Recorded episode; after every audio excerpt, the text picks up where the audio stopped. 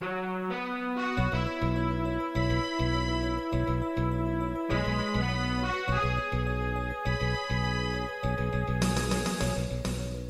listening to Radio Free Asia.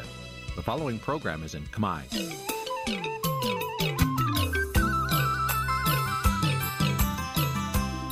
Nǐ chi càm bi tiệp xáy vệt chiu a zì sê ray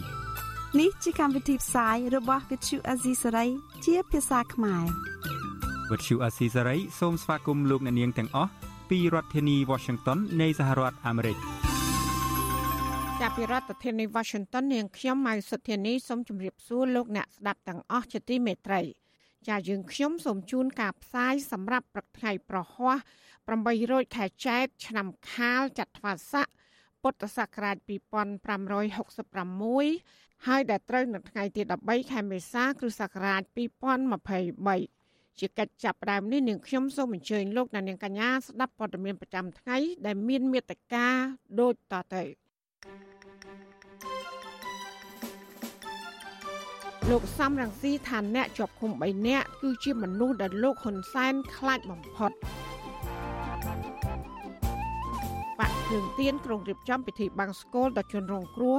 ក្នុងរបបខ្មែរក្រហម ជាទេសចរតូចតាចពីតម្លៃខ្ពស់នៃសេវាកម្មស្នាក់នៅ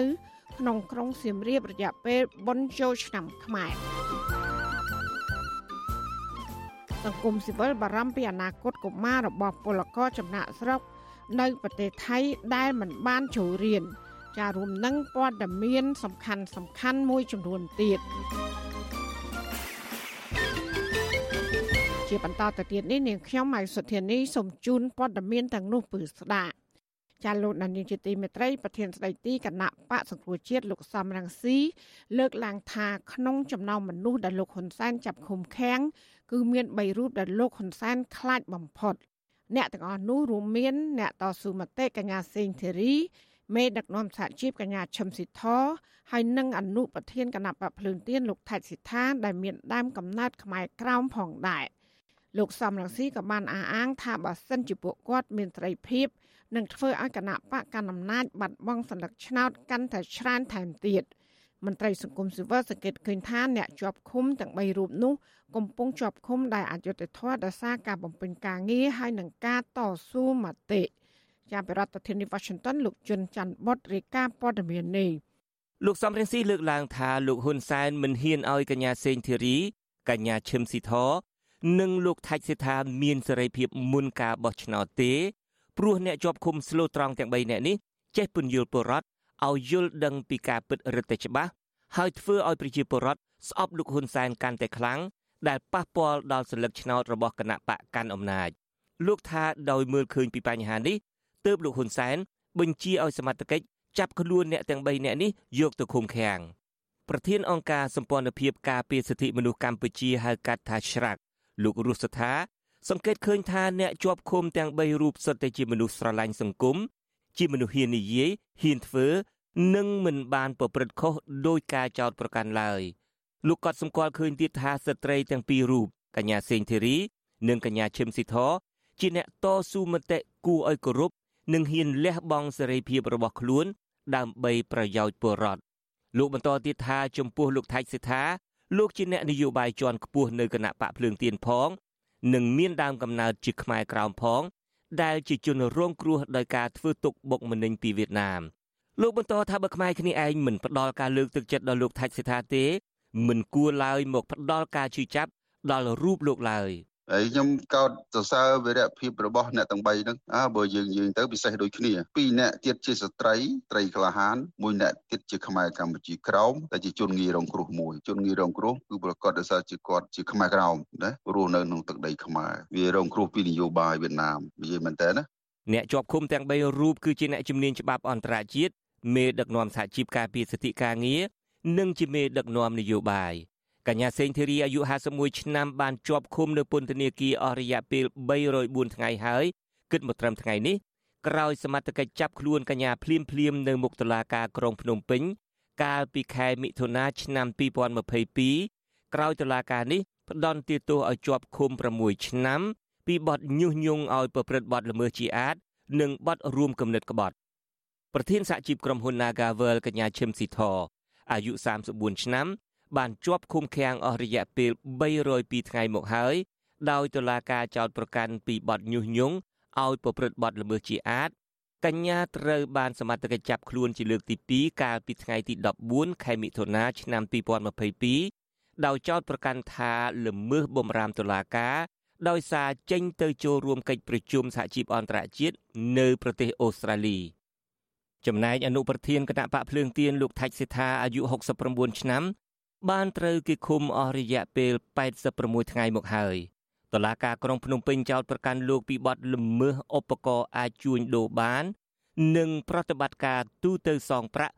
ឬបទចេញសែកស្អុយអត់លុយតើតើនឹងការលើកឡើងពីការជាប់ឃុំរបស់អ្នកទាំង3រូបនេះអ្នកនាំពាក្យគណៈបកប្រជាជនកម្ពុជាលោកសុកអេសានលើកឡើងថាលោកសំរងស៊ីតែងតែនិយាយផ្ទុយពីការពិតលោកបន្តទៀតថាអ្នកទាំង3រូបនិងអ្នកជាប់ឃុំផ្សេងទៀត បានជាប់ឃុំព្រោះការប្រព្រឹត្តបទល្មើសលោកថាកញ្ញាសេងធីរីជាអ្នកបម្រើសកម្មភាពនយោបាយរបស់លោកសំរងស៊ីឯកញ្ញាឈឹមស៊ីធជាប់ឃុំព្រោះបំពានច្បាប់ការងារនិងល្មើសបំរាមតុលាការចំណែកលោកថាច់សិដ្ឋាវិញក៏ជាប់ឃុំព្រោះតែបញ្ហាបុគ្គលដោយចេញសែកស្អុយ សំរាស៊ីគាត់និយាយតែផ្ទុយការពិតតើតាំងពីដើមមកហើយយើងអត់បោចឹងចឹងហើយយើងទៅជឿគាត់បែបបានចឹងវា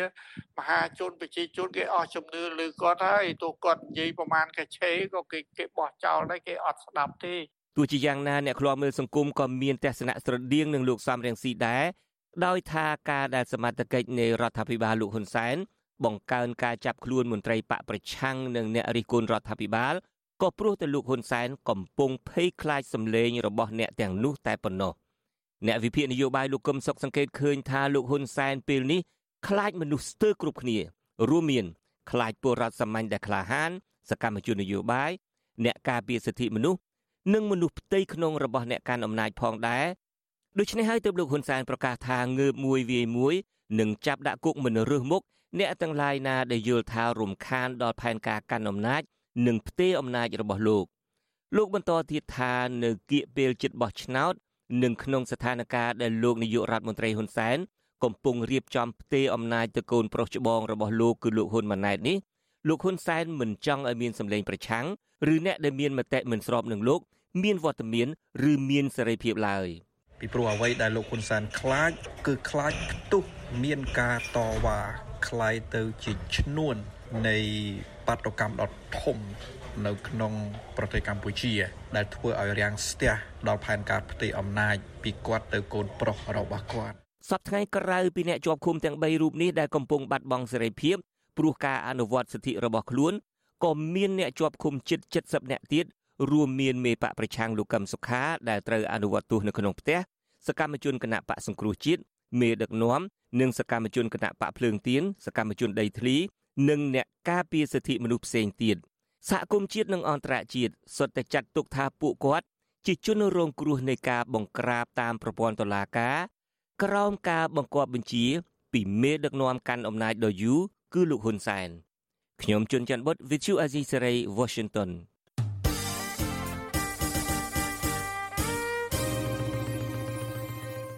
ចាលោកណានីជាទីមេត្រីមន្ត្រីគណៈបកប្រឆាំង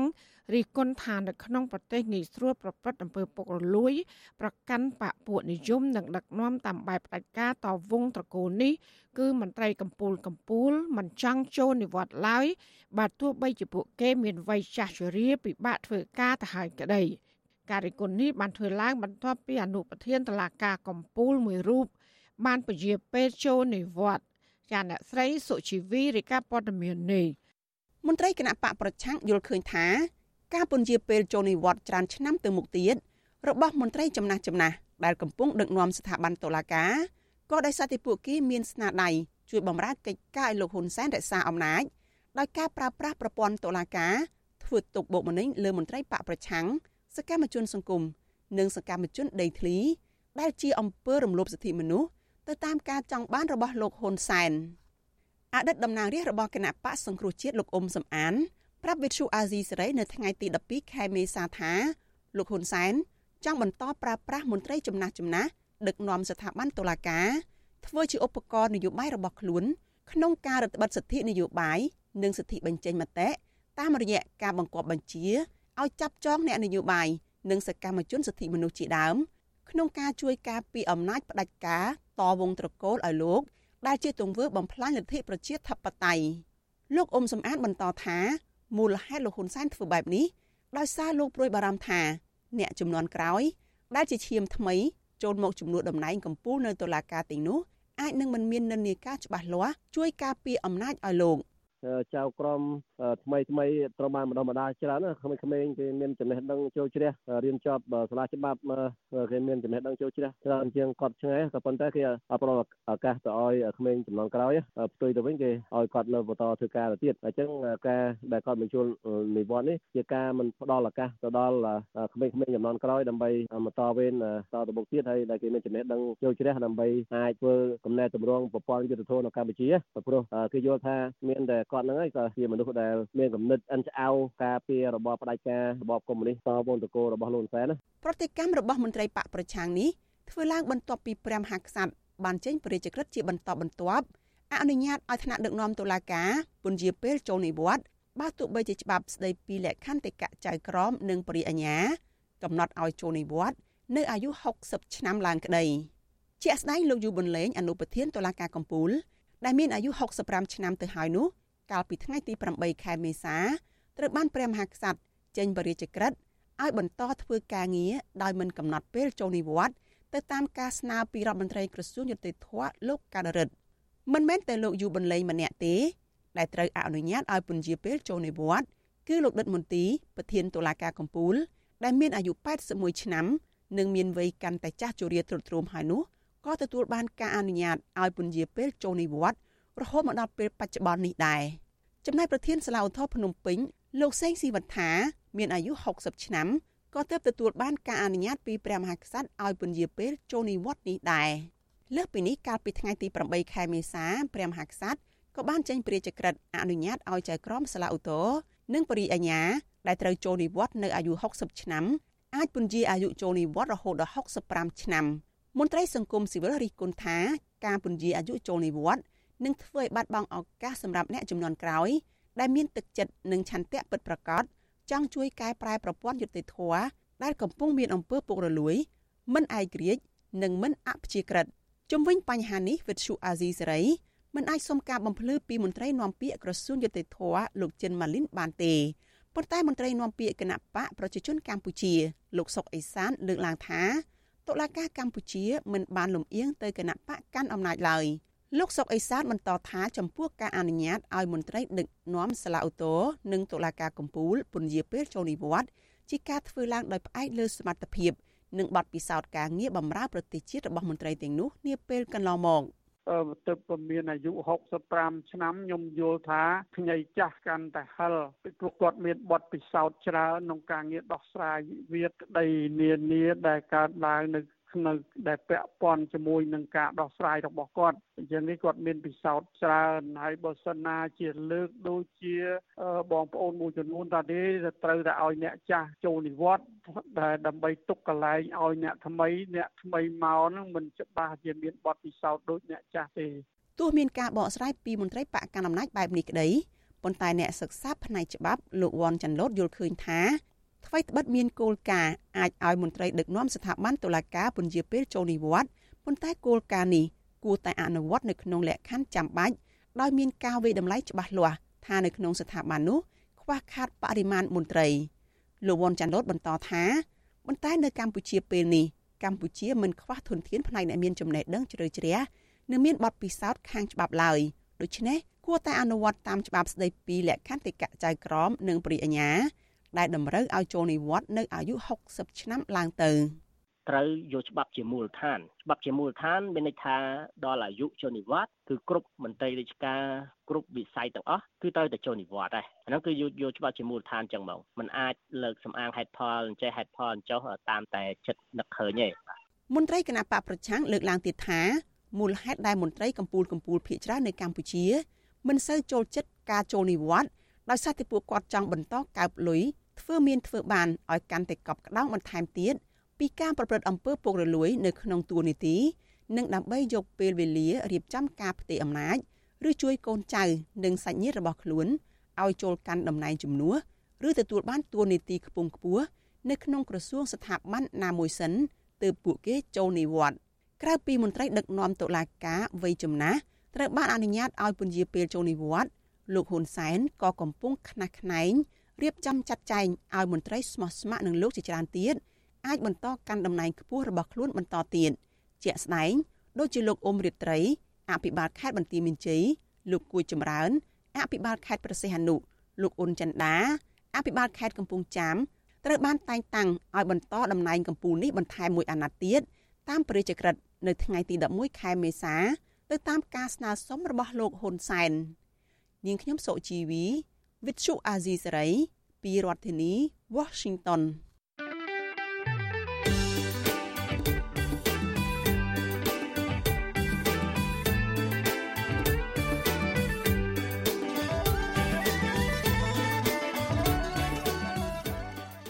ចាលោកអ្នកនាងកញ្ញាកំពុងស្ដាប់ការផ្សាយរបស់វិទ្យុអសីស្រីផ្សាយចេញពីរដ្ឋធានី Washington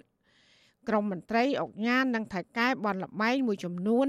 បាននាំគ្នាសម្រុកបរិច្ចាគលុយទៅឲ្យកាកបាទក្រហមជាបន្តបន្ទាប់ក្រោមការដឹកនាំរបស់ប្រពន្ធលោកនាយករដ្ឋមន្ត្រីហ៊ុនសែន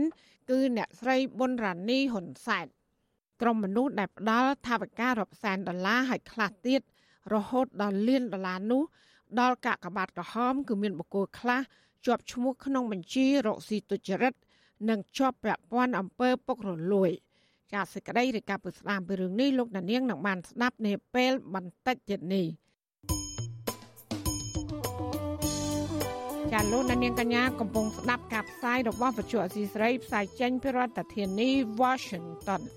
ដំណើរគ្នានឹងស្ដាប់ការផ្សាយរបស់វិទ្យុអសីស្រីតាមបណ្ដាញសង្គម Facebook និង YouTube លោកអ្នកនាងកញ្ញាក៏អាចស្ដាប់ការផ្សាយរបស់វិទ្យុអសីស្រីតាមរលកធាតុអាកាសខ្លីឬ short wave តាមកម្រិតនិងកម្ពស់ដូចតទៅចាប់ពេលព្រឹកចាប់ពីម៉ោង5កន្លះដល់ម៉ោង6កន្លះតាមរយៈប៉ុស SW 12.14 MHz ស្មើនឹងកម្ពស់ 25m ចាប់ប៉ុស SW 13.71 MHz ស្មើនឹងកម្ពស់ 22m ចាសម្រាប់ពេលយប់វិញចាប់ពីម៉ោង7កន្លះដល់ម៉ោង8កន្លះ តាមរយៈប៉ុស SW 9.33 MHz ស្មើនឹងកម្ពស់ 32m ប៉ុស SW 11.88 MHz ស្មើនឹងកម្ពស់ 25m និងប៉ុស SW 12.14 MHz ស្មើនឹងកម្ពស់ 25m ចាសសូមអរគុណ ចាលោកអ្នកស្ដាប់ទទីមេត្រីគណៈបកភ្លើងទៀនកាលពីថ្ងៃទី10ខែមេសា បានដាក់លិខិតស្នើសុំអភិបាលរាជធានីភ្នំពេញដើម្បីប្រារព្ធពិធីបុណ្យបង្សុកូលឧទ្ទិសដល់ជនរងគ្រោះនៅក្នុងរបបខ្មែរក្រហមនៅឯសារមន្ទីរអក្រិតកម្មបល័យពូជសាសជើងឯក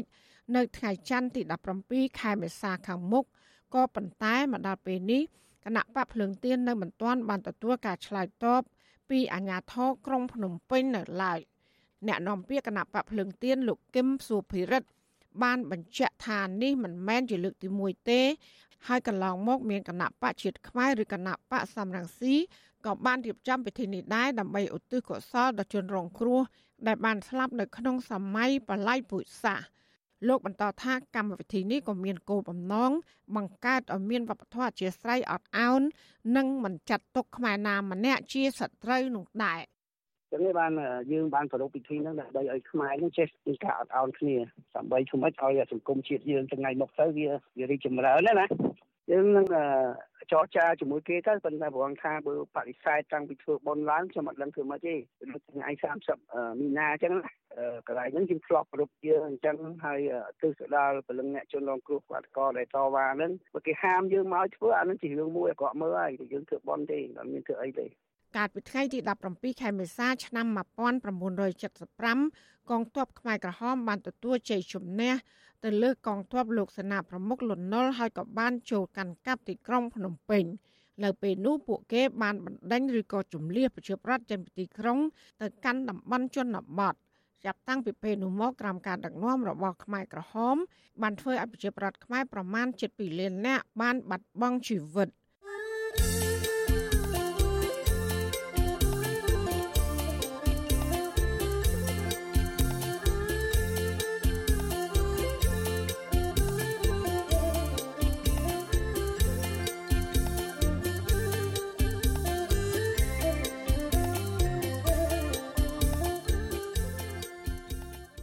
ចាលោកនានីជាទីមេត្រីក្រមមន្ត្រីអុកញ៉ានិងថៃកែបនលបែងមួយចំនួន បាននាំគ្នាសម្រុកបរិច្ចាគលុយទៅឲ្យកាកបាទ ក្រហមជាបន្តបន្ទាប់ក្រោមការដឹកនាំរបស់ប្រពន្ធលោកនាយករដ្ឋមន្ត្រីហ៊ុនសែនគឺអ្នកស្រីប៊ុនរ៉ានីហ៊ុនសែនក្រុមមនុស្សដែលផ្ដល់ថវិការាប់សែនដុល្លារឲ្យខ្លះទៀតរហូតដល់លានដុល្លារនោះដល់កាកបាទក្រហមគឺមានបុគ្គលខ្លះជាប់ឈ្មោះក្នុងបញ្ជីរកស៊ីទុច្ចរិត និងជាប់ពាក់ព័ន្ធអំពើពុករលួយ ចាប់ពីរដ្ឋធានី Washington លោកជាតិចំណាននៃការព័ត៌មាននេះចាប់តាំងពីថ្ងៃរំលឹកខួបទី160នៃទិវាពិភពលោកកាកបាទក្រហមនិងអត្ថច័ន្ទក្រហម កាលពីថ្ងៃទី8ខែឧសភាក្រមមន្ត្រីអុកញ៉ានិងតកែបនលបែងបាននាំគ្នាសម្រុកបរិច្ចាគលុយទៅឲ្យកាកបាទក្រហមក្រោមការដឹកនាំរបស់ប្រពន្ធលោកនាយករដ្ឋមន្ត្រីហ៊ុនសែនគឺអ្នកស្រីប៊ុនរ៉ានីជាបន្តបន្ទាប់ក្រុមរដ្ឋធរដែលសម្រុកចូលលុយជួយកាកបាទក្រហមទាំងនោះ មានបុគ្គលខ្លះជាប់ឈ្មោះក្នុងបញ្ជីរកស៊ីទុច្ចរិតនិងជាប់ពាក់ព័ន្ធនឹងអំពើពុករលួយប្រធានប្រតិបត្តិគណៈបកសង្គ្រោះជាតិប្រចាំរាជធានីភ្នំពេញដែលកំពុងភៀសខ្លួននៅក្រៅប្រទេសលោកមនផល្លាយល់ឃើញថាការបរិច្ចាគលុយរបស់មន្ត្រីធំធំនិងក្រុមអ្នករកស៊ីទៅឲ្យកាកបាទក្រហមគឺដើម្បីធានានូវនិរន្តរភាពតំណែងទូនីតិនិងការរកស៊ីរបស់ពួកគេតែប៉ុណ្ណោះលោកបន្តថាការយកលុយទៅបរិច្ចាគឲ្យកាកបាទក្រហមប្រៀបបានទៅនឹងការយកគ្រឿងដង្វាយទៅសែនព្រេនពីអ្នកមានអំណាចដែរ ព្រោះប្រធានកាកបាទក្រហមគឺអ្នកស្រីប៊ុនរ៉ានីដែលជាប្រពន្ធរបស់លោកនាយករដ្ឋមន្ត្រីហ៊ុនសែនគឺជាមនុស្សដែលមានឥទ្ធិពលខ្លាំងដែលអាចធ្វើជាយន្តការពារតំណែងនិងមុខជំនួយរបស់ពួកគេ កាកបាទក្រហមកម្ពុជាយើងសពថ្ងៃនេះមិនធ្វើទៅតាមបទដ្ឋានមនុស្សធម៌ត្រឹមត្រូវទៅតាមកាកបាទក្រហមអន្តរជាតិនោះទេជាទូទៅគាត់ធ្វើទៅតាមលក្ខណៈគណៈបកនយោបាយច្រើនជាងដោយហេតុថាអ្នករងគ្រោះកាកបាទក្រហមកម្ពុជាមិនបានជួយដល់ដៃពួកគាត់ទេទៅទៅវិញបើសិនជាក្រមរបស់គណៈបកប្រជាជនកាកបាទក្រហមអន្តរាគមបានលឿនបាទកាកបាទក្រហម បានទទួលលុយបរិច្ចាគពីមន្ត្រីធំធំក្នុងស្ថាប័នរដ្ឋនិងអង្គការអ្នករកស៊ីជាហូហែដែលការបរិច្ចាគតាមគ្នានេះប្រៀបដូចជាការបងពុនដែលពួកគេហាក់ដឹងខ្លួនថានឹងត្រូវចំណាយលុយនៅពេលណាដែលអាចទទួលយកផលប្រយោជន៍មកវិញក្រុមអ្នកបរិច្ចាគទាំងនោះមានអ្នកខ្លះបរិច្ចាគលុយរាប់ពាន់ដុល្លារខ្លះខ្ទង់ម៉ឺនដុល្លារនិងខ្លះទៀតរហូតដល់1លានដុល្លារអាស្រ័យទៅតាមតំណែងតូចធំនិងទំហំចំនួនដែលពួកគេទទួលបានការគ្រប់គ្រងពីរដ្ឋាភិបាលក្នុងនោះថៅកែកាស៊ីណូ Nagawal លោកតាន់ស្រី បានបរិច្ចាគលុយចំនួន1លានដុល្លារដល់កាកបាទក្រហមបើទោះបីជាលោកតាន់ស្រីកំពុងរងការរិះគន់អំពីការរំលោភសិទ្ធិកម្មករតាមរយៈការរំលែកសហជីពនិងការប្រើអំពើហិង្សាលើកុតកោក្តី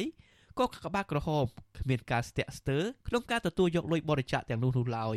អ្វីដែលក្រុមហ៊ុនបនលបៃមួយនេះទទួលបានមកវិញគឺការជួយគាំពៀពីរដ្ឋាភិបាលជាពិសេសពីលោកនាយករដ្ឋមន្ត្រីហ៊ុនសែនថាมันបានរំលោភសិទ្ធិកម្មករនិងជាក្រុមហ៊ុនដ៏ត្រឹមត្រូវ មកដល់ពេលនេះថវិកាសរុបដែលកាកបាទក្រហមទទួលបានពីក្រមមន្ត្រីអុកញ៉ាមិនទាន់បូកសរុបនៅឡើយទេចំណែកអត្តនន័យចំនួនថវិកាដែលកាកបាទក្រហមទទួលបានពីសប្បុរសជនកន្លងមកក៏កាកបាទក្រហមមិនបានបង្ហាញនៅលើគេហទំព័រផ្លូវការដែរបើទោះបីជាមានការទទួលលុយបរិច្ចាគពីក្រមមន្ត្រីអុកញ៉ាឈ្មោះរកស៊ីរាប់លានដុល្លារក៏ដោយពលរដ្ឋមួយចំនួនដែលរងគ្រោះដីធ្លីនិងមានជីវភាពលំបាកមិនបានទទួលជំនួយសប្បុរសធម៌ពីកាកបាទក្រហមនោះទេពលរដ្ឋមានវិវាទដីធ្លីជាមួយក្រុមហ៊ុនចិន Delcom នៅខេត្តព្រះវិហារ លោកស្រីយឹមផាតប្រាប់វិសុអាស៊ីសេរីថាលោកស្រីមិនធ្លាប់ទទួលបានជំនួយឬអំណោយពីកាកបាទក្រហមឡើយបើទោះបីជាលោកស្រីមានជីវភាពលំបាករងគ្រោះដោយសារតែបាត់បង់ដីធ្លីនិងជួបគ្រោះធម្មជាតិបំផ្លាញផលដំណាំយ៉ាងណាក្តីលោកស្រីបន្តថាសាខាកាកបាទក្រហមនៅមូលដ្ឋានលោកស្រីមានការរើសអើងប្រជាពលរដ្ឋមាននិន្នាការនយោបាយប្រកាន់បកពួក យើយថាខ្ញុំជឿមកឲ្យជឿភ្នែកមកមើលថាខ្ញុំជាទីនិយាយមានគេអ្នកຕົកលំបាកដូចខ្ញុំមិនតិចនេះទេតំបន់នោះតែធ្វើអីបានគេចែកទៅគ្នាគេគេរើអ្នកក្រៃក្រអ្នកថោកទាបតែគេជិនពលិចរងថ្ងៃបើយើងបាត់បង់ដីស៊ីជ្រៅចង្ការអស់យើងមានអីហូបយើងមានអីជាធម្មតាអំណោយដែលកាកបាទក្រហមកម្ពុជាជួយដល់ពលរដ្ឋរងគ្រោះមានដូចជាមីត្រីខកំប៉ុងអង្ករទឹកត្រីនិងទឹកស៊ីអ៊ីវជាដើមដែលរបស់ទាំងនោះភាគច្រើនទទួលបានមកពីតាមវត្តអារាម ដែលសាលាគណៈស្រុកតម្រូវឲ្យចៅអធិការតាមវត្តនីមួយៗបរិច្ចាគឲ្យកាកបាទក្រហមជារៀងរាល់ខែអាស្រ័យតាមសេដ្ឋកិច្ចរបស់វត្តនីមួយៗក្នុងនោះក៏មានរបស់ខ្លះហួសអាយុកាលនៃការប្រើប្រាស់ផងដែរក្រៅពីធ្វើជាខ្នងបង្អែកឲ្យមន្ត្រីអុកញ៉ាក្រមស្លាកស្ថាប័នជួយសង្គ្រោះហើយប្រធានកាកបាទក្រហមកម្ពុជាអ្នកស្រីប៊ុនរនីដែលចូលចិត្តប្រើរបស់ថ្លៃថ្លៃនិងយីហោល្បីល្បីមិនបានបង្ហាញឲ្យសាធារណជនបានដឹងអំពីចំណូលនិងចំណាយរបស់ខ្លួននោះឡើយវិសុអាស៊ីសេរី មិនអាចតកតងអ្នកនាំពាក្យកាកបាទក្រហមកម្ពុជាអ្នកស្រីម៉ែននារីសោភ័ក្រដើម្បីសុំការបកស្រាយបានទេនៅថ្ងៃទី12ខែមេសាជុំវិញរឿងនេះអ្នកវិភាគនយោបាយលោកកឹមសុខសង្កេតឃើញថាកាកបាទក្រហមគឺជាកន្លែងរកលុយសម្រាប់តកោហ៊ុនតែប៉ុណ្ណោះព្រោះបើមើលទៅលើសកម្មភាពមនុស្សធម៌និងលុយជំនួយដែលក្រុមមន្ត្រីអង្គការបរិច្ចាគនោះមិនមានតុល្យភាពនោះទេ កាកបាទក្រហមនេះវាគ្រាន់តែជាស្ថាប័នខ្លាំងងាយស្រួលប្រមូលលុយដោយអំណាចបំភាន់ភ្នែកថាមនុស្សធម៌ទៅជាទ្រព្យសម្បត្តិរបស់ក្រុមគ្រួសារហ៊ុនធ្វើមានធ្វើបានហើយដូច្នេះហើយអំណាចកាកបាទក្រហមខ្ញុំមើលទៅដូចអំណាចរដ្ឋាភិបាលមួយអញ្ចឹងពីព្រោះរចនាសម្ព័ន្ធកាកបាទក្រហមនៅប្រទេសកម្ពុជានឹងធំហើយអត់មានជួយអីប្រជាពលរដ្ឋទេកាកបាទក្រហមកម្ពុជាឈរលើកោការគ្រឹះទាំង7របស់ចលនាអន្តរជាតិរួមមានភាពជាមនុស្សធម៌ភាពមិនលំអៀង អព្យាក្រឹតភាពឯករាជ្យភាពសេវាកម្មស្ម័គ្រចិត្តឯកភាពនិងសកលភាពប៉ុន្តែកាកបាទក្រហមបានដើរផ្ទុយពីគោលការណ៍គ្រឹះទាំង7នេះនិងបានប្រែក្លាយជាកន្លែងបងពុនរបស់ក្រុមអុកញ៉ាមហាសិទ្ធិជួញដូរដីជួញដូរព្រៃនិងរាជាដើមហើយស្ថាប័នរបស់មនុស្សមួយចំនួននេះបានដើរប្រឆាចពីគោលការណ៍មនុស្សធម៌ដោយធ្វើជាឧបករណ៍នយោបាយឲ្យបកកាន់អំណាចទៅវិញ ជាក់ស្ដែងក្នុងព្រឹត្តិការណ៍បាតកម្មកាលពីឆ្នាំ2014កាកបាទក្រហមកម្ពុជាមិនបានចុះផ្ដល់ជំនួយមនុស្សធម៌ដល់ក្រុមកម្មករដែលរងគ្រោះដោយសារតែការបាញ់ប្រហារនិងការវាយទាត់ធាក់ដោយកម្លាំងរបស់រដ្ឋាភិបាលនោះទេតែបែរទៅជាជួយកងសន្តិសុខដល់មន្ទីរពេទ្យនៅពេលដែលក្រុមនេះរងរបួសក្នុងការប៉ះទង្គិចគ្នាខណៈចុះទៅវាយបំបែកក្រុមបាតកោនិងវាយអ្នកកសែតខ្ញុំបាទជាចំណាន Visual Assisray ប្រធានាទី Washington ចាលោកនាងជាទីមេត្រីនាងខ្ញុំសូមជម្រាបជូនថាវັດឈូអសីស្រី ចាប់ផ្ដើមការផ្សាយផ្ទាល់កម្មវិធីព័ត៌មានទាំងពេលព្រឹកនិងពេលយប់ជាផ្លូវការនៅលើបណ្ដាញសង្គមថ្មីមួយទៀតគឺបណ្ដាញសង្គម Telegram ចាប់ផ្ដើមពីខែមេសានេះតទៅចាលោកនាងអាចស្វែងរក Telegram ផ្លូវការរបស់វិទ្យុអសីស្រី ដោយស្វែងរកពាក្យថាវិទ្យុអសីស្រីឬ RFA ខ្មែរនៅលើទូរស័ព្ទដៃរបស់លោកនាង ការ Telegram ផ្លូវការរបស់វិទ្យុអសីស្រីមានសញ្ញាថឹកដែលជាសញ្ញាសម្គាល់ចាក្រុមការងាររបស់វិទ្យុស៊ីស្រីនឹងព្យាយាមរិះរកមធ្យោបាយថ្មីថ្មីបន្ថែមទៀតដើម្បីផ្ដល់ភាពងាយស្រួលដល់លោកអ្នកនាងក្នុងការស្ដាប់និងការទស្សនាការផ្សាយរបស់វិទ្យុអាស៊ីសេរីចាសសូមអរគុណចាលោកណានៀងជាទីមេត្រីស្ទើរតែជារៀងរាល់ឆ្នាំ ឲ្យតែគៀកដល់ពិធីបុណ្យចូលឆ្នាំខ្មែរម្ចាស់ផ្ទះសំណាក់និងសន្តាគារមួយចំនួននៅក្នុងក្រុងសៀមរាបបានដំឡើងថ្លៃសេវាស្នាក់នៅខុសពីថ្ងៃធម្មតាទ្វេដងភ្ញៀវទេសចរបានត្អូញត្អែបញ្ហានេះហើយក៏បានស្នើដល់អាជ្ញាធរមានវិធានការទប់ស្កាត់ករណីនេះឲ្យបានច្បាស់លាស់ចាលោកមានរដ្ឋាភិការព័ត៌មាននេះចាប់តាំងពីចុងខែមីនារហូតដល់ជិតពាក់កណ្ដាលខែមេសា ម្ចាស់ផ្ទះសំណាក់និងសន្តាគារមួយចំនួន ក្នុងក្រុងសៀមរាប កំពុងមមាញឹកផ្ដល់សេវាកម្មស្នាក់នៅជូនភ្ញៀវទេសចរដែលទៅកំសាន្តក្នុងខេត្តនេះទន្ទឹមនឹងនេះភ្ញៀវទេសចរខ្លះរੂរទាំថាតម្លៃបន្ទប់ស្នាក់នៅហក់ឡើងថ្លៃខ្លាំងធ្វើឲ្យពួកគាត់ខ្នក់ចិត្តព្រោះខ្វះខាតថវិកាដើរកំសាន្តភ្ញៀវទេសចរទៅទស្សនាខេត្តសៀមរាបលោកសុនបាន ប្រាវិសុយស៊ីស្រីនៅថ្ងៃទី12ខែមេសាថា លោកបានកក់បន្ទប់ស្នាក់នៅក្នុងផ្ទះសំណាក់មួយកន្លែងក្នុងក្រុងសៀមរាបដើម្បីទៅចូលរួមពិធីបុណ្យចូលឆ្នាំខ្មែរនៅទីនោះក៏ប៉ុន្តែលោកថាតម្លៃសេវាស្នាក់នៅហក់ឡើងថ្លៃទ្វេមួយជាពីរលោកបញ្ជាក់ថាថ្ងៃធម្មតាតម្លៃបន្ទប់តែ15ដុល្លារឬ60000រៀលប៉ុណ្ណោះក៏ប៉ុន្តែនៅរដូវបុណ្យចូលឆ្នាំតម្លៃហក់ឡើងរហូតដល់120,000រៀលឬស្មើនឹង30ដុល្លារលោកថាប្រការនេះធ្វើឲ្យប៉ះពាល់ដល់អារម្មណ៍របស់លោក និងពលរដ្ឋក្រីក្រតម្លៃឲ្យវាស្មើទៅក៏វាល្អម្យ៉ាងដែរវាមិនបាច់ចាំបាច់តតែមានរដូវកាលអញ្ចឹងខ្ញុំឆ្លៀតឱកាសដើម្បីទទួលបានប្រយោជន៍ខ្លះខ្លះវាជារឿងមួយដែលមិនល្អហើយគួរតែមានតារាងច្បាស់លាស់ក្នុងការគិតគូរពីអតិថិជនគាត់មកមកសបាយមិនមែនគាត់មកបារម្ភពីផ្ទះសំណាក់ឡើងថ្លៃចឹងទៀតទេអញ្ញាធរខេត្តសៀមរាបនិងស្ថាប័នពាក់ព័ន្ធបានរៀបចំតុបតែងព្រឹត្តិការណ៍អង្គរសង្ក្រាន្តដ៏ធំនៅក្នុងក្រុងសៀមរាប និងតាមប្រាសាទបុរាណនានាដែលមានលម្អដោយភ្លើងពណ៌ផ្កាបេះដូងក្រដាសពិធីតាំងពិព័រណ៍លក់វត្ថុអនុស្សាវរីយ៍មហូបអាហារកន្លែងប្រគំតន្ត្រីបុរាណសម័យនិងជិះទូកកំសាន្តតាមបណ្ដោយដងស្ទឹងសៀមរាបបន្ថែមពីនេះអាជ្ញាធរក៏បានរៀបចំផ្សារបណ្ដែតទឹកការប្រគំតន្ត្រី និងស្តង់ជាច្រើនសម្រាប់លក់នៅអមសងខាងស្ទឹងសៀមរាបអាជ្ញាធរឲ្យដឹងថាភ្ញៀវទេសចររាប់ម៉ឺននាក់បានទៅទស្សនាកំសាន្តនៅខេត្តសៀមរាប ចាប់តាំងពីចុងខែមីនារហូតមកម្ល៉េះបបុគ្គលិករដ្ឋបាលសន្តាគារមួយនៅក្នុងក្រុងសៀមរាប លោកអាងឆាលទទួលស្គាល់ថាសន្តាគាររបស់លោកពិតជាដំឡើងថ្លៃសេវាស្នាក់នៅប្រកាសមែនក៏ប៉ុន្តែឡើងថ្លៃតិចតួចប៉ុណ្ណោះបើធៀបនឹងថ្ងៃធម្មតា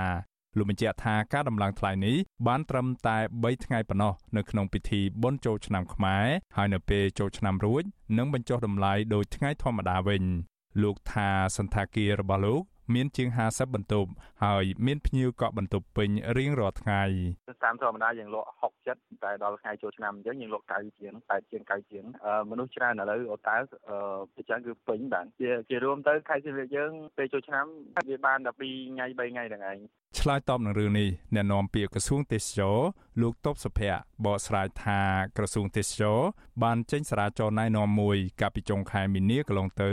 ដោយជំរុញឲ្យម្ចាស់សន្តាគារផ្ទះសំណាក់កន្លែងលក់វត្ថុអនុស្សាវរីយ៍និងកន្លែងផ្ដល់សេវាកម្មម្ហូបអាហារជាដើមមិនឲ្យដំឡើងថ្លៃហួសហេតុពេកនោះឡើយលោកបញ្ជាក់ថាក្រសួងបានណែនាំឲ្យប្រធានមន្ត្រីទេសចររាជធានីខេត្ត ត្រូវពង្រឹងការគ្រប់គ្រងចរន្តភ្ញៀវទេសចរនិងណែនាំឲ្យកន្លែងផ្ដល់សេវាកម្មភ្ញៀវទេសចរត្រូវបិទតម្លៃឲ្យបានច្បាស់លាស់ពេលបុណ្យទានអញ្ចឹងមនុស្សច្រើនអញ្ចឹងកន្លែងខ្លះគាត់ចូលស្នាក់នៅហ្នឹងវាអាចលើសកំណត់អំពីការកំណត់របស់ខាងសន្តាគាររបស់គេណាបាទតែបន្ទប់ធ្លាប់តែគេង2នាក់អញ្ចឹងគាត់គេងឡើង4នាក់ឬក៏5នាក់អញ្ចឹងទៅអញ្ចឹងវាមានការឡើងថ្លៃខ្លះហើយប៉ុន្តែកុំឲ្យតម្លៃហ្នឹងវា ថ្លៃហួសហេតុពេកកាលណាឡើងថ្លៃហួសហេតុពេកអាហ្នឹងមានបញ្ហាភ្ញៀវអាចប្តឹងផ្ដាល់បានអាហ្នឹងយើងនឹងដោះស្រាយទៅតាមហ្នឹងណាជុំវិញរឿងនេះអនុប្រធានអង្គការពលរដ្ឋយើង លោកមានព្រមនីសង្កេតឃើញថាអញ្ញាធរហាក់មិនបានតាមដានឲ្យបានដិតដល់និងដោះស្រាយបញ្ហានេះឲ្យបានល្អប្រសើរនៅឡើយទេអស់រយៈពេលជាច្រើនឆ្នាំមកហើយ ធ្វើឲ្យពលរដ្ឋក្រីក្រប្រឈមទៅនឹងការខ្វះខាតថវិកានៅក្នុងការដើរកំសាន្តនៅពេលពិធីបុណ្យប្រពៃណីជាតិផលលំបាកដល់ប្រជាពលរដ្ឋដែលគាត់ចង់ដើរលេងកម្សាន្តហើយប្រជាពលរដ្ឋកំពុងតែក្រហើយចំណូលតិចផងហើយសេដ្ឋកិច្ចយើងកំពុងតែយ៉ាប់យ៉ឺនហើយលាក់ផងចំពោះវិធានការច្បាប់យើងឃើញថាការប្រកាសការអនុវត្តអីរបស់អាជ្ញាធរហ្នឹងគឺយើងធ្វើអត់បានអញ្ចឹងយើងសូមឲ្យអនុវត្តឲ្យបានមានប្រសិទ្ធភាព របាយការណ៍ក្រសួងទេសចរឲ្យដឹងថានៅក្នុងខេត្តសៀមរាប មានសន្តាគារសរុបចំនួន230កន្លែងបុគ្គលិកបម្រើការងារចំនួនជាង12000នាក់ចំណែកឯផ្ទះសំណាក់មានចំនួនជាង260កន្លែង និងបុគ្គលិកបម្រើការងារជិត20000នាក់ជារៀងរាល់ឆ្នាំភ្ញៀវទេសចរជាតិនិងអន្តរជាតិ តែងសម្រុកទៅលេងខេត្តសៀមរាបនៅរាល់ពិធីបុណ្យជាតិសំខាន់សំខាន់ក៏ប៉ុន្តែពួកគាត់តែរិះគន់អាជ្ញាធរ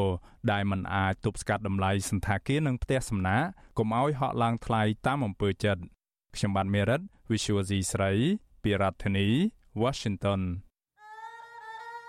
thank you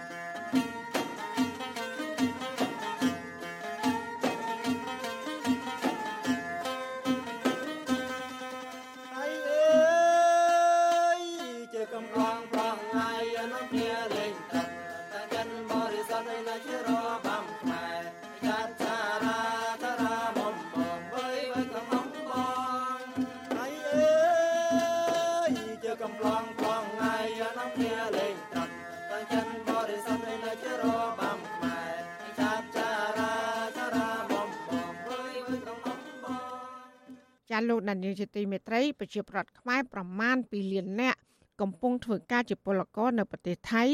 ដោយប្រើកម្លាំងដើម្បីដោះដូរយកប្រាក់កម្រៃមកចំណាយលើតម្រូវការចិញ្ចឹមជីវិត ហើយនឹងដោះបំណុលមន្ត្រីសង្គមស៊ីវិលបារម្ភថាកូនកូនរបស់ពលករទាំងនោះទៅតែ100%មិនបានចូលរៀនដែលធ្វើឲ្យពួកគេអាចជួបការលំបាកទៅថ្ងៃអនាគត ចាសសេចក្តីរាយការណ៍ពីស្ដាមពីរឿងនេះលោកណានៀងក៏នឹងបានស្ដាប់នាពេលបន្តិចទៀតនេះ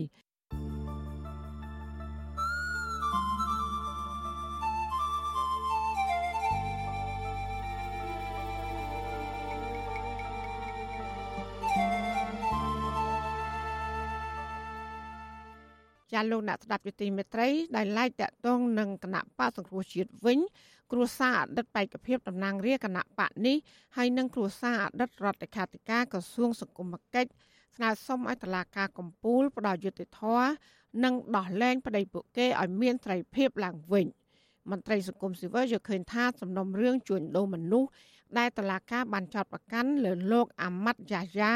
ហើយនឹងក្មួយប្រុសរបស់លោកនេះគឺធ្វើឡើងដោយមិនស្របច្បាប់នោះឡើយ ចាសសូមស្ដាប់សេចក្តីរាយការណ៍របស់លោកយ៉ងច័ន្ទរាជំវិញព័ត៌មាននេះក្រុមគ្រួសារអតីតបេក្ខជនតំណាងរាស្ត្រគណៈបកសង្គ្រោះជាតិលោកអ៊ីស្ម៉ាអែលប៉ិនូស្ម៉ាន់និងគ្រួសារអតីតរដ្ឋលេខាធិការក្រសួងសង្គមគិច្ចលោកអាម៉ាត់យ៉ាយ៉ាលើកឡើងថាការចោទប្រកាន់ពីសំណាក់តុលាការមកលើប្តីរបស់ពួកគាត់ជុំវិញរឿងជួញដូរមនុស្សនោះគឺធ្វើឡើងដោយមិនមានភស្តុតាងត្រឹមត្រូវឡើយ ប្រពន្ធអតីតបេក្ខជនតំណាងរាស្ត្រគណៈបកសង្គ្រោះជាតិលោកអ៊ីស្ម៉ាអែលប៉ិនូស្ម៉ាន់គឺលោកស្រីនៀកកញ្ញាប្រាប់វិទ្យុអាស៊ីសេរីនៅថ្ងៃទី12ខែមេសាថាតឡាការកំពូលនៅតែមិនមានភស្តុតាងបញ្ជាក់បន្ថែមអំពីទំនាក់ទំនងប្តីរបស់លោកស្រីជាមួយនឹងក្រុមហ៊ុនបញ្ជូនពលករទៅធ្វើការនៅប្រទេសអារ៉ាប៊ីសាអូឌីតឡើយលោកស្រីបញ្ជាក់ថាសំបីតែលោកអាម៉ាត់យ៉ាយ៉ាក៏បានបញ្ជាក់ជាថ្មីនៅតុលាការកំពូលដែរថា ប្តីរបស់លោកស្រីគ្មានទំនាក់ទំនងអ្វីជាមួយនឹងក្រុមហ៊ុនរបស់លោកនោះទេបើយោងតាមប្រសាសន៍មេធាវីគាត់ឡើងសង្ខេបវាអត់មានអ្វីដែលជាផុសតាងជាក់ថាក្រុមគ្រួសារខ្ញុំគាត់ចូលរួមក្នុងការផ្សព្វផ្សាយឃោសនាឲ្យក្រុមហ៊ុនឬក៏អូសទាញអ្នកដែល គាត់ប្តឹងនឹងមកឲ្យធ្វើការនៅក្រុមហ៊ុននឹងទេសូមឲ្យតុលាការមេត្តាដោះលែងឲ្យក្រុមគ្រួសារខ្ញុំមានសេរីភាពដើម្បីជួបជុំក្រុមគ្រួសារឡើងវិញជាពិសេសជួបជុំកូនកូនដែលនៅទូតប្រតិកម្មនេះធ្វើឡើងក្រោយពេលតុលាការកំពូលបានបើកសវនាការនៅព្រឹកថ្ងៃទី12ខែមេសាតាក់ទងទៅនឹងសំណុំរឿងជួញដូរមនុស្សប្រឆាំងទៅនឹងអតីតរដ្ឋលេខាធិការក្រសួងសង្គមគិច្ចលោកអាម៉ាត់យ៉ាយ៉ា និងអតីតបេក្ខជនតំណាងរាជគណៈបកសង្គ្រោះជាតិលោកអ៊ីស្ម៉ាអែលប៉ិនអ៊ូស្ម៉ាន់ដែលធ្លាប់បានប្រឆាំងយ៉ាងសកម្មទៅនឹងគម្រោងរបស់លោកអ៊ូស្ម៉ាន់ហាសាននៅក្នុងការពុះរបងវិហារអ៊ីស្លាមបង្កក់ដើម្បីធ្វើផ្លូវសវនាការនៅតុលាការកំពូលនេះធ្វើឡើងក្រោយពីតុលាការជាន់ខ្ពស់មួយនេះបានខកខានសវនាការកាលពីថ្ងៃទី14ខែធ្នូឆ្នាំ2022ដោយសារតែកាលនោះមេធាវីរបស់លោកអាហ្មាត់យ៉ាយ៉ាគឺលោកប៊ុនធឿនបានអវត្តមានពីព្រោះតែតុលាការ មិនបានជូនដំណឹងជាមុនដោយឡែកនៅខាងមុខតុលាការកំពូលឯណោះវិញក្រុមអ្នកគាំទ្រលោកអាហ្មាត់យ៉ាយ៉ាប្រមាណ50នាក់បានមកប្រមូលផ្ដុំគ្នាដើម្បីលើកទឹកចិត្តដល់គ្រួសាររបស់ពួកលោកទាំងពីរសាលាដំបងរាជធានីភ្នំពេញកាលពីថ្ងៃទី13ខែសីហាឆ្នាំ2019បានផ្ដន្ទាទោសលោកអ៊ីស្ម៉ាអែលប៉ិនអ៊ូស្ម៉ាន់ និងលោកអាហ្មាត់យ៉ាយ៉ាដាក់ពន្ធនាគារម្នាក់15ឆ្នាំនិងពិន័យជាប្រាក់រួមគ្នាចំនួន200លានរៀលឬស្មើនឹងប្រមាណ50,000ដុល្លារអាមេរិកទៅឲ្យជនរងគ្រោះ2នាក់តាមមាត្រា11នៃច្បាប់ប្រឆាំងទៅនឹងការជួញដូរមនុស្សលោកអ៊ីស្ម៉ាអែលប៉ិនអ៊ូស្ម៉ាន់ត្រូវបានកម្លាំងនគរបាលនៃនាយកដ្ឋានប្រឆាំងការជួញដូរមនុស្សនិងការពីអនិច្ចជនចាប់ខ្លួនកាលពីថ្ងៃទី9ខែកុម្ភៈឆ្នាំ2018 ដោយសង្ស័យថាជាប់ពាក់ព័ន្ធទៅនឹងករណីនាំពលករទៅធ្វើការខុសច្បាប់នៅប្រទេសអារ៉ាប៊ីសាអូឌីតរបស់ក្រុមហ៊ុនលោកអាហ្មាត់យ៉ាហ្យាកាលពីជាង10ឆ្នាំមុនរីឯលោកអាហ្មាត់យ៉ាហ្យាវិញលោកត្រូវបានសមត្ថកិច្ចចាប់ខ្លួននៅថ្ងៃទី13ខែសីហាឆ្នាំ2019នោះនៅខណៈលោកកំពុងអង្គុយស្ដាប់សវនាការក្នុងសំណុំរឿងចោតប្រកាន់ក្មួយប្រុសរបស់លោកនិងរូបលោកតាក់ទងទៅនឹងការនាំពលករទៅប្រទេសអារ៉ាប៊ីសាអូឌីតនៅពេលនោះជុំវិញរឿងនេះ នាយកទទួលបន្ទុកកិច្ចការទូតនៃអង្គការសិទ្ធិមនុស្សលីកាដូលោកអំសំអាតយល់ឃើញថាវិធានការច្បាប់ទៅលើលោកអាហ្មាត់យ៉ាយ៉ានិងលោកអ៊ីស្ម៉ាអែលប៉ិននូស្ម៉ាននេះធ្វើឡើងដោយហេតុផលទំនាស់បុគ្គលជាជាងការអនុវត្តច្បាប់ដោយត្រឹមត្រូវពីព្រោះកន្លងមកតុលាការមិនមានភស្តុតាងជាក់លាក់ដើម្បីចោទប្រកាន់ពួកលោកទាំងពីរជុំវិញការជួញដូរមនុស្សនោះឡើយ។ ក្រុមហ៊ុនរបស់គាត់នឹងមានមែនក្នុងការបញ្ជូនពលករទៅក្រៅហ្នឹងណាប៉ុន្តែក្រុមហ៊ុនហ្នឹងត្រូវបានបិទទ្វារអញ្ចឹងការទទួលខុសត្រូវក៏វាត្រូវមានកម្រិតដែរបើក្រុមហ៊ុនទៅបានបិទយើងគ្រាន់តែសង្ឃឹមថាតឡាការកម្ពុជានឹងពិចារណាឲ្យបានល្អិតល្អន់លើករណីនេះហើយបើមិនមានផុសតាងដាក់បន្ទុកគ្រប់គ្រាន់ទេទេ គួរណាស់តែទម្លាក់ប័ណ្ណចោតឬក៏ដោះលែងគាត់ឲ្យមានសេរីភាពវិញ លោកអាហ្មាត់យ៉ាយ៉ាធ្លាប់បានប្រាប់វិទ្យុអាស៊ីសេរីនៅមុនពេលតុលាការចាប់ខ្លួនលោកកាលពីខែសីហាឆ្នាំ2019ថា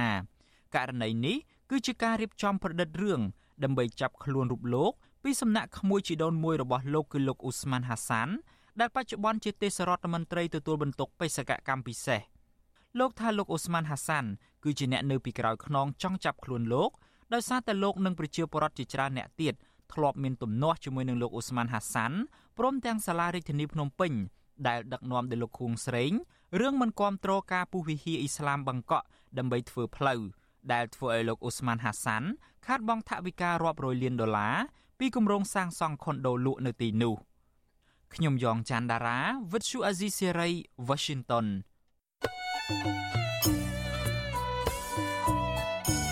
ចាលោកនាងជាទីមេត្រីវិទ្យុអាស៊ីសេរីសូមជូនដំណឹងថាយើងគ្មានអ្នកយកព័ត៌មានប្រចាំនៅប្រទេសកម្ពុជានោះឡើយបើសិនជាមានជនណាម្នាក់អះអាងថាជាអ្នកយកព័ត៌មានឲ្យវិទ្យុអាស៊ីសេរីនៅកម្ពុជានោះគឺជាការក្លែងបន្លំយកឈ្មោះរបស់វិទ្យុអាស៊ីសេរី ក្នុងគោលបំណងទុច្ចរិតរបស់បុគ្គលនោះចាសសូមអរគុណ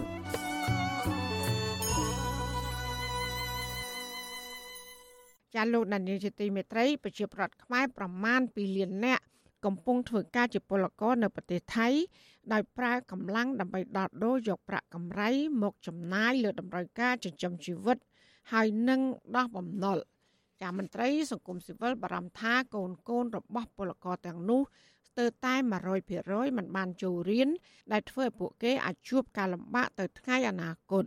ចាលោកនៅវណ្ណរិននៃការពិស្ដារជំវិញស្ថានភាពរស់នៅ របស់ពលករខ្មែរនៅប្រទេសថៃដូចតទៅមន្ត្រីសង្គមស៊ីវិលធ្វើការងារលើកកម្ពស់សិទ្ធិពលករចំណាក់ស្រុកបង្ហាញការព្រួយបារម្ភថាកូនកូនរបស់ពលករចំណាក់ស្រុកនៅប្រទេសថៃដែលមិនបានចូលរៀននឹងជួបការលំបាកនៅក្នុងជីវិតនៅពេលអនាគត មន្ត្រីកម្មវិធីការពារសិទ្ធិពលករចំណាក់ស្រុកនៃអង្គការសង្ត្រល់លោកឌីថេហូយ៉ាឲ្យដឹងថាពលរដ្ឋកម្ពុជាកំពុងធ្វើការនៅប្រទេសថៃប្រមាណ2លាន2សែននាក់ក្នុងនោះ2លាននាក់ធ្វើការនៅប្រទេសថៃ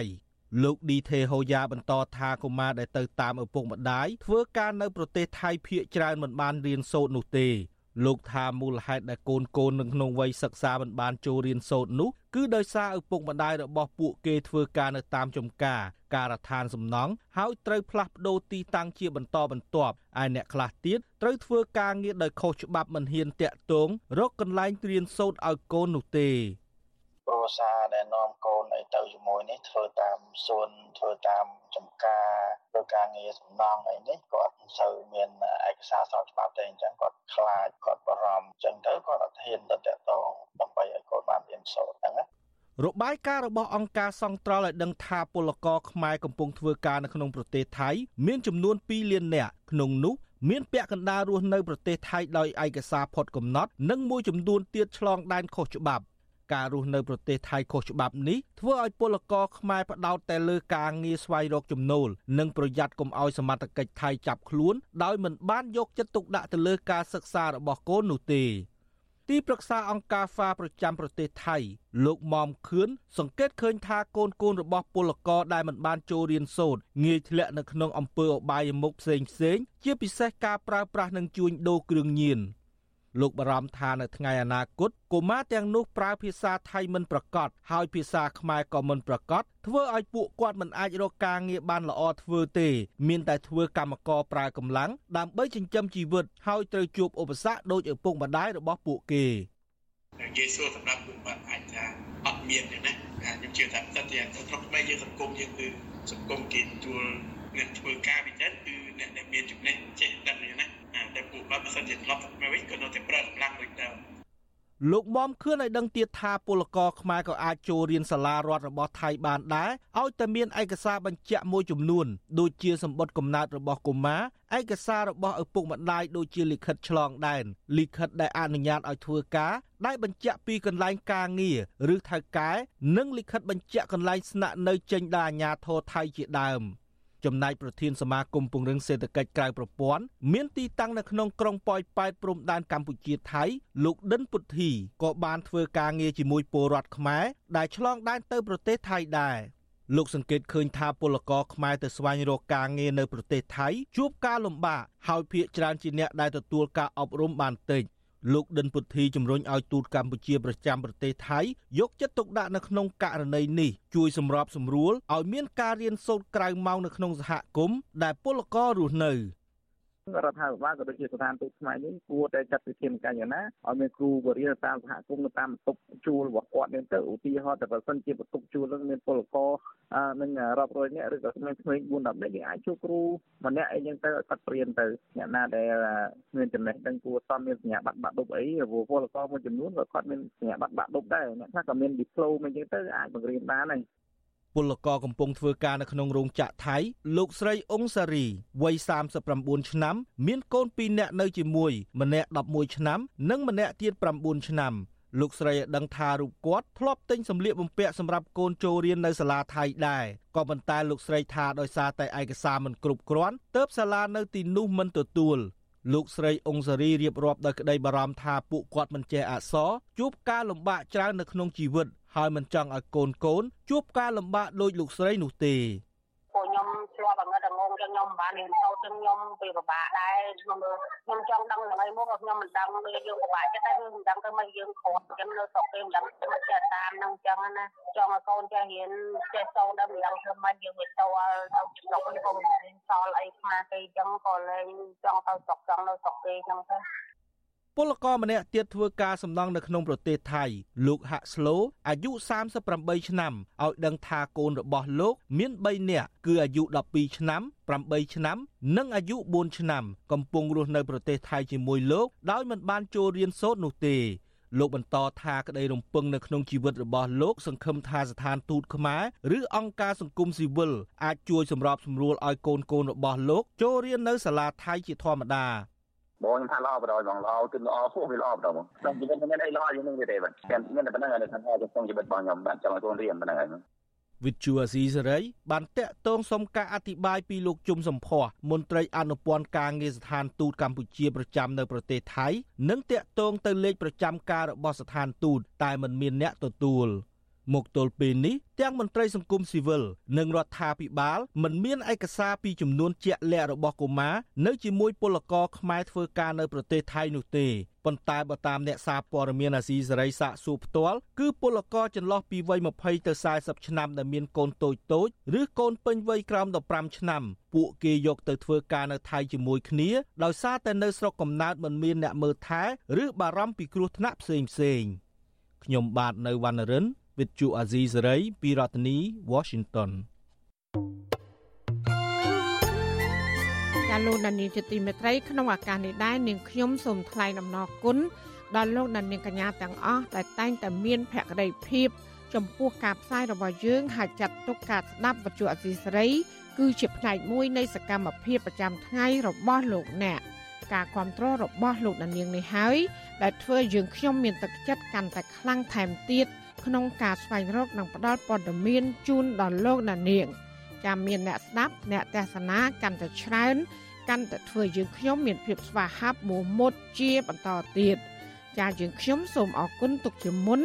ហើយក៏សូមអញ្ជើញលោកដានៀងកញ្ញាចូលរួមជំរុញឲ្យសកម្មភាពផ្ដល់ព័ត៌មានរបស់យើងនេះកាន់តែជោគជ័យបន្ថែមទៀតលោកដានៀងអាចជួយយើងខ្ញុំបាន ដោយគ្រាន់តែចុចចែករំលែកឬ share ការផ្សាយរបស់យើងនេះនៅលើបណ្ដាញសង្គម Facebook និង YouTube ទៅកាន់មិត្តភ័ក្តិដើម្បីឲ្យការផ្សាយរបស់យើងនេះបានទៅដល់មនុស្សកាន់តែច្រើនចាសសូមអរគុណចាលោកអ្នកស្ដាប់ទីមេត្រីពាក់ព័ន្ធនឹងពិធីបុណ្យចូលឆ្នាំខ្មែរខាងមុខនេះដែរពលរដ្ឋស្នើដល់រដ្ឋាភិបាលឲ្យទប់ស្កាត់ ការតម្លើងថ្លៃឡានឈ្នួលដើម្បីសម្រួលការធ្វើដំណើរទៅលេងស្រុកកំណើតក្នុងរដូវកាលបុណ្យចូលឆ្នាំថ្មី សង្គមស៊ីវិលថាជាការល្អដែលសាលារាជធានីភ្នំពេញបានដាក់រថយន្តក្រុងសាធារណៈដើម្បីដឹកជញ្ជូនប្រជាពលរដ្ឋទៅស្រុកកំណើតហើយណែនាំឲ្យមានការចូលរួមពីប្រជាពលរដ្ឋក្នុងការរក្សាតម្លៃឈ្នួលឡានឲ្យនៅធម្មតាចានេះគឺជាសកម្មភាពពិស្ដាររបស់លោកសេកបណ្ឌិតជំនាញព័ត៌មាននេះ ពលរដ្ឋមួយចំនួន ដែលរស់នៅក្នុងរាជធានីភ្នំពេញកំពុងតែចាក់ចេញពីទីក្រុងបណ្ដាបណ្ដាហើយប្រជាពលរដ្ឋទាំងនោះតែងតែមានរបស់របរនិងបញ្ញាខ្លះៗផងដែរដើម្បីផ្ញើទៅកាន់ក្រុមគ្រួសារនៅឯស្រុកកំណើតដែលមានអីវ៉ាន់ខ្លះខ្ចប់នឹងថងធំធំ ឬការរងច្រកអង្គក៏ប៉ុន្តែតម្លៃឈ្នួលរថយន្តដឹកអ្នកដំណើរមួយចំនួនក៏កំពុងតែឡើងថ្លៃជាបណ្ដាបណ្ដាដែរបុគ្គលិកក្រុមហ៊ុនកាស៊ីណូ Naga World ម្នាក់ គឺកញ្ញាច័ន្ទស្រីរតប្រាប់បទសុអសីស្រីថាកញ្ញាព្រួយបារម្ភអំពីការឡើងថ្លៃទំនិញនៅលើទីផ្សាររួមទាំងការឡើងថ្លៃឈ្នួលរថយន្តក្នុងឱកាសចូលឆ្នាំខ្មែរនេះដែរកញ្ញាបន្តថាការឡើងថ្លៃនេះពិតជាប៉ះពាល់ដល់សេដ្ឋកិច្ចគ្រួសាររបស់គាត់ស្របពេលដែលវិវាទការងារមិនទាន់មានការដោះស្រាយដែលធ្វើឲ្យគាត់គ្មានការងារធ្វើ និងគ្មានប្រាក់ចំណូល កញ្ញាស្នើដល់រដ្ឋាភិបាលឲ្យពិនិត្យទៅលើក្រុមហ៊ុនដឹកជញ្ជូនដើម្បីកុំឲ្យមានការដំឡើងថ្លៃឈ្នួលនារដូវចូលឆ្នាំថ្មីនេះ។ខ្ញុំក៏ជាប្រជាពលរដ្ឋមួយរូបហើយក៏ជាកម្មករម្នាក់ដែរអញ្ចឹងខ្ញុំមានតែស្នើសុំឲ្យកុំឲ្យតម្លើងថ្លៃឡើងឈ្នួលឬក៏បោះអីផ្សេងផ្សេងទំនិញអីផ្សេងផ្សេងអញ្ចឹងព្រោះអីឥឡូវសេដ្ឋកិច្ចយើងវា កម្មករខ្លះគាត់ក៏ស៊ី50%កម្មករខ្លះទៀតក៏គាត់ជួការងារអញ្ចឹងគាត់អត់សូវមានចំណូលទេហើយដល់ពេលឡើងថ្លៃអញ្ចឹងក៏គាត់ត្រូវការចំណាយច្រើនអញ្ចឹងគាត់ពិបាកក្នុងការចំណាយសូមឲ្យបញ្ចុះថ្លៃឡានឬក៏តំណែងអីផ្សេងផ្សេងដើម្បីជួយប្រជាពលរដ្ឋខ្លះអញ្ចឹងណាលោកនាយករដ្ឋមន្ត្រីហ៊ុនសែនកាលពីថ្ងៃទី4មេសាបានសរសេរនៅលើទំព័រ Facebook របស់លោកថា បានបញ្ជាឲ្យសាលារាជធានីភ្នំពេញរៀបចំរថយន្តក្រុងចំនួន345គ្រឿងសម្រាប់ដឹកជញ្ជូនប្រជាពលរដ្ឋទៅកាន់ស្រុកកំណើតដោយមិនគិតថ្លៃក្នុងឱកាសបុណ្យចូលឆ្នាំថ្មីប្រពៃណីជាតិនាពេលខាងមុខសាលារាជធានីភ្នំពេញក្រោយពីបានទទួលបទបញ្ជាពីលោកហ៊ុនសែនក៏ចេញសេចក្តីជូនដំណឹងថាសាលារាជធានីភ្នំពេញនឹងរៀបចំរថយន្តក្រុងដឹកជញ្ជូនពលរដ្ឋទៅកាន់ស្រុកកំណើត ក្នុងឱកាសបុណ្យចូលឆ្នាំថ្មីប្រពៃណីជាតិនាពេលខាងមុខនេះរយៈពេល5ថ្ងៃគឺគិតចាប់ពីថ្ងៃទី13ដល់ថ្ងៃទី17ខែមេសាសាលារាជធានីភ្នំពេញបានកំណត់ថាសម្រាប់ផ្លូវជាតិលេខ1អ្នកដំណើរត្រូវឡើងរថយន្តនៅស្ថានីយ៍ចំណតវាលស្បូវច្រកចូលបូរីតារាសំណាងឆ្ពោះទៅកាន់ខេត្តស្វាយរៀងនិងព្រៃវែងសម្រាប់ផ្លូវជាតិលេខ2អ្នកដំណើរត្រូវឡើងរថយន្ត នៅខាងមុខកងរាជអាវុធហត្ថរាជធានីភ្នំពេញនៅតាមបណ្ដោយផ្លូវវែងស្រេងឆ្ពោះទៅចំណតរវងមូលអូចំបក់ខេត្តតាកែវចំពោះផ្លូវជាតិលេខ3និងផ្លូវជាតិលេខ4អ្នកដំណើរត្រូវឡើងរថយន្តនៅដីឡូទល់មុខគណៈបករាជធានីភ្នំពេញផ្លូវ2004ហើយផ្លូវជាតិលេខ3រថយន្តឆ្ពោះទៅសាលាបឋមសិក្សាដំណាក់ចង្អើសង្កាត់ព្រៃធំខេត្តកែបរួចឆ្ពោះទៅចំណតរថយន្តទីរួមខេត្តកំពត និងផ្លូវជាតិលេខ4រថយន្តឆ្ពោះទៅចំណតរថយន្តផ្សារកំពង់ស្ពឺ និងចតនៅវិមានឯករាជ្យខេត្តព្រះសីហនុរីឯផ្លូវជាតិលេខ5វិញអ្នកដំណើរត្រូវឡើងរថយន្តនៅចំណតស្ថានីយ៍សួនច្បាររិស័យកែវដែលមានគោលដៅចំណតរថយន្តផ្សារលើខេត្តបាត់ដំបងនិងចំណតរថយន្តក្រុងសេរីសាភ័ណ្ឌខេត្តបន្ទាយមានជ័យចំណែកឯផ្លូវជាតិលេខ6អ្នកដំណើរត្រូវឡើងរថយន្តក្រុង នៅរវងមូលទេពមច្ឆា សង្កាត់ជ្រោយចង្វាឆ្ពោះទៅបូរីរដ្ឋបាលខេត្តសៀមរាបផ្លូវ60ម៉ែត្រមួយវិញទៀតសម្រាប់ផ្លូវជាតិលេខ6និងលេខ7អ្នកធ្វើដំណើរត្រូវឡើងរថយន្តនៅមុខកន្លែងទិញសម្បត្តិរថភ្លើង ដែលឆ្ពោះទៅចំណតរថយន្តខេត្តកំពង់ចាម និងចំណតផ្សារសួងខេត្តត្បូងឃ្មុំចុងក្រោយសម្រាប់ផ្លូវជាតិលេខ8និងលេខ13អ្នកដំណើរត្រូវឡើងរថយន្តនៅរងវងមូលកំភ្លើងគួយកណ្ដុង ដែលឆ្ពោះទៅមន្ទីរវប្បធម៌ខេត្តកោះចេះនិងសាលាខេត្តស្ទឹងត្រែងដោយឡែកបើទោះបីជាសាលារាជធានីភ្នំពេញអំពាវនាវដល់ម្ចាស់ក្រុមហ៊ុន ដឹកជញ្ជូនអ្នកដំណើរទាំងអស់ឲ្យរក្សាតម្លៃដឹកជញ្ជូនឲ្យនៅដដែលក៏ដោយក៏នៅតែមានក្រុមហ៊ុនមួយចំនួនដំឡើងថ្លៃដឹកអ្នកដំណើរចន្លោះពី10000ទៅ20000រៀលឬច្រើនជាងនេះ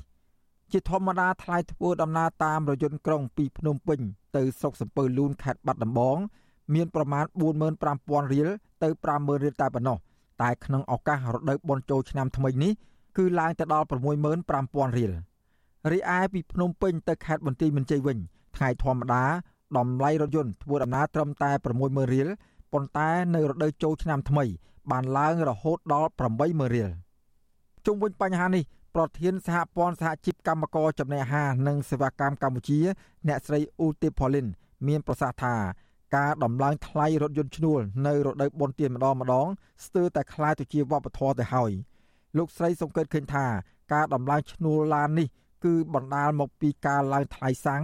និងម្ចាស់ចំណតឡានឡើងថ្លៃចំណតដូចគ្នាលោកស្រីអំពាវនាវដល់ម្ចាស់រថយន្តឈ្នួលនិងម្ចាស់ចំណតរថយន្តកុំដំឡើងថ្លៃឈ្នួលក្នុងរដូវបុណ្យទាន និងស្នើដល់រដ្ឋាភិបាលប្រើប្រាស់បទបញ្ញត្តិឲ្យបានតឹងរឹងលើម្ចាស់អាជីវកម្មដឹកជញ្ជូនណាដែលដំឡើងថ្លៃឈ្នួលក្នុងរដូវបុណ្យទាន អ្នកបើកបរអីហ្នឹងសួរគាត់ថាមិនបានអញ្ចឹងបើសារថ្ងៃហ្នឹងគេទាំងថ្លៃបេនដែរបើគាត់ចតឡាននៅតាមបេនឡានហ្នឹងពេលថ្ងៃហ្នឹងប្រហែលថ្ងៃ3ថ្ងៃឬ4ថ្ងៃឬ5ថ្ងៃហ្នឹងគឺគេតម្លើងថ្លៃបេនដែរអញ្ចឹងគាត់ថាបើគាត់អត់តម្លើងថ្លៃឈ្នួលឡានទេគឺគាត់អត់រួចថ្លៃបេនបើយើងនិយាយពីប្រព័ន្ធនេះប្រព័ន្ធដែលគៀបតគ្នាដល់ពេលពិបាកពិបាកតកម្មករនិយោជិតដែលគ្នាគ្មានប្រព័ន្ធធ្វើដំណើរដល់ខ្លួនឯងហ្នឹងឬក៏អ្នកខ្លះមានកូនមានចៅអីដើម្បីសុវត្ថិភាពផង มันអាចជិះម៉ូតូជិះអីចឹងណាក៏ត្រូវការជិះឡានជិះអីព្រោះគាត់មានកូនមានចៅជាគ្រួសារធំដែរចា៎អ្នកស្រីឧទេផលីនបានបញ្ជាក់ទៀតថាបើទោះបីជាសាលារាជធានីភ្នំពេញបានដាក់រថយន្តជាង300គ្រឿងដើម្បីដឹកជញ្ជូនពលរដ្ឋទៅកាន់ស្រុកកំណើតក៏ពិតមែនក៏ប៉ុន្តែរថយន្តទាំងនោះភ្នាក់ច្រើនចតនៅចំណតកណ្ដាលក្រុងតែប៉ុណ្ណោះរីឯផ្ទះរបស់ប្រជាពលរដ្ឋខ្លះអាចនៅទីជនបទដែលនៅឆ្ងាយពីចំណតរថយន្តហើយតម្រូវឲ្យពួកគេ ជិះរថយន្តឈ្នួលបន្តទៅទៀតទើបទៅដល់ផ្ទះពលរដ្ឋនិងសង្គមស៊ីវិលនៅតែស្នើយ៉ាងទទូចដល់រដ្ឋាភិបាលឲ្យទប់ស្កាត់ការដំឡើងថ្លៃឈ្នួលរថយន្តដើម្បីឲ្យពលរដ្ឋមានលទ្ធភាពធ្វើដំណើរទៅលេងស្រុកកំណើតក្នុងពិធីបុណ្យចូលឆ្នាំថ្មីនាពេលខាងមុខនេះខ្ញុំបាទសេកបណ្ឌិតវុទ្ធុអាស៊ីសេរីពីរដ្ឋធានីវ៉ាស៊ីនតោនាលោកដានៀងជាទីមេត្រីក្នុងឱកាសនេះដែរនាងខ្ញុំសូមថ្លែងអំណរគុណ ដល់លោកដានៀងកញ្ញាទាំងអស់ដែលតែងតែមានភក្ដីភាពចំពោះការផ្សាយរបស់យើងហើយចាត់ទុកការស្ដាប់វិទ្យុអសីសេរីគឺជាផ្នែកមួយនៃសកម្មភាពប្រចាំថ្ងៃរបស់លោកអ្នកការគ្រប់គ្រងរបស់លោកដានៀងនេះហើយដែលធ្វើយើងខ្ញុំមានទឹកចិត្តកាន់តែខ្លាំងថែមទៀតក្នុងការស្វែងរកនិងផ្តល់ព័ត៌មានជូនដល់លោកដានៀងចាំមានអ្នកស្ដាប់អ្នកទេសនាកាន់តែច្រើនកាន់តែធ្វើយើងខ្ញុំមានភាពស្វាហាប់មោះមុតជាបន្តទៀត ចាយើងខ្ញុំសូមអរគុណទុកជាមុនហើយក៏សូមអញ្ជើញលោកដានៀងកញ្ញាចូលរួមជំរុញឲ្យសកម្មភាពផ្ដល់ព័ត៌មានរបស់យើងនេះកាន់តែជោគជ័យបន្ថែមទៀតលោកដានៀងអាចជួយយើងខ្ញុំបានដោយគ្រាន់តែចុចចែករំលែកឬ share ការផ្សាយរបស់យើងនេះនៅលើបណ្ដាញសង្គម Facebook និង YouTube ទៅកាន់មិត្តភ័ក្តិដើម្បីឲ្យការផ្សាយរបស់យើងនេះបានទៅដល់មនុស្សកាន់តែច្រើនចាសសូមអរគុណ ចាលោកលានាងកញ្ញាអ្នកស្ដាប់ជាទីមេត្រីការផ្សាយរយៈពេល1ម៉ោងរបស់វិទ្យុអាស៊ីស្រីជាភាសាខ្មែរនៅពេលនេះចាប់តែប៉ុណ្ណេះចាយើងខ្ញុំទាំងអស់គ្នាសូមជូនពរលោកលានាងនិងក្រុមគ្រួសារទាំងអស់សូមជួបប្រកបតែនឹងសេចក្តីសុខសេចក្តីចម្រើន ជានិរន្តរ៍ចានាងខ្ញុំម៉ៅសុធានីព្រមទាំងក្រុមការងារទាំងអស់របស់អសីស្រីសូមអរគុណនិងសូមជម្រាបលា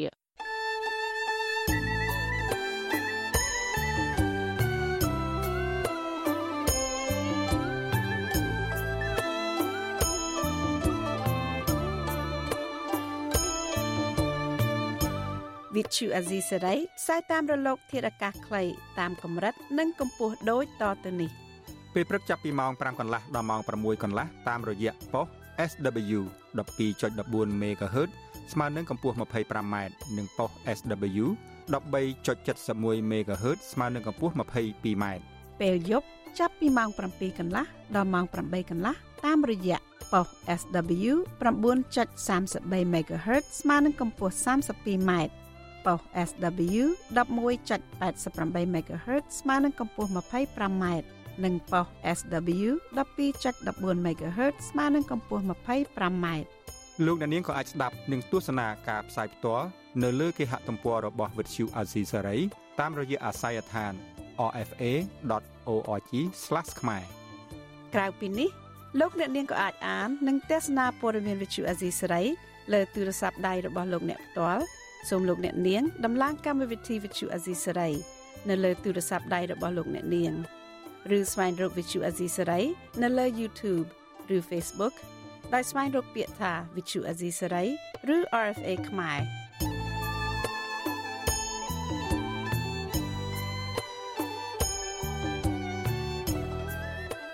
សូមលោកអ្នកនាងចុច like follow និងចុច subscribe ដើម្បីទទួលបានព័ត៌មានថ្មីៗទាន់ហេតុការណ៍ និងទស្សនាវីដេអូផ្សេងៗទៀតបានគ្រប់ពេលវេលា។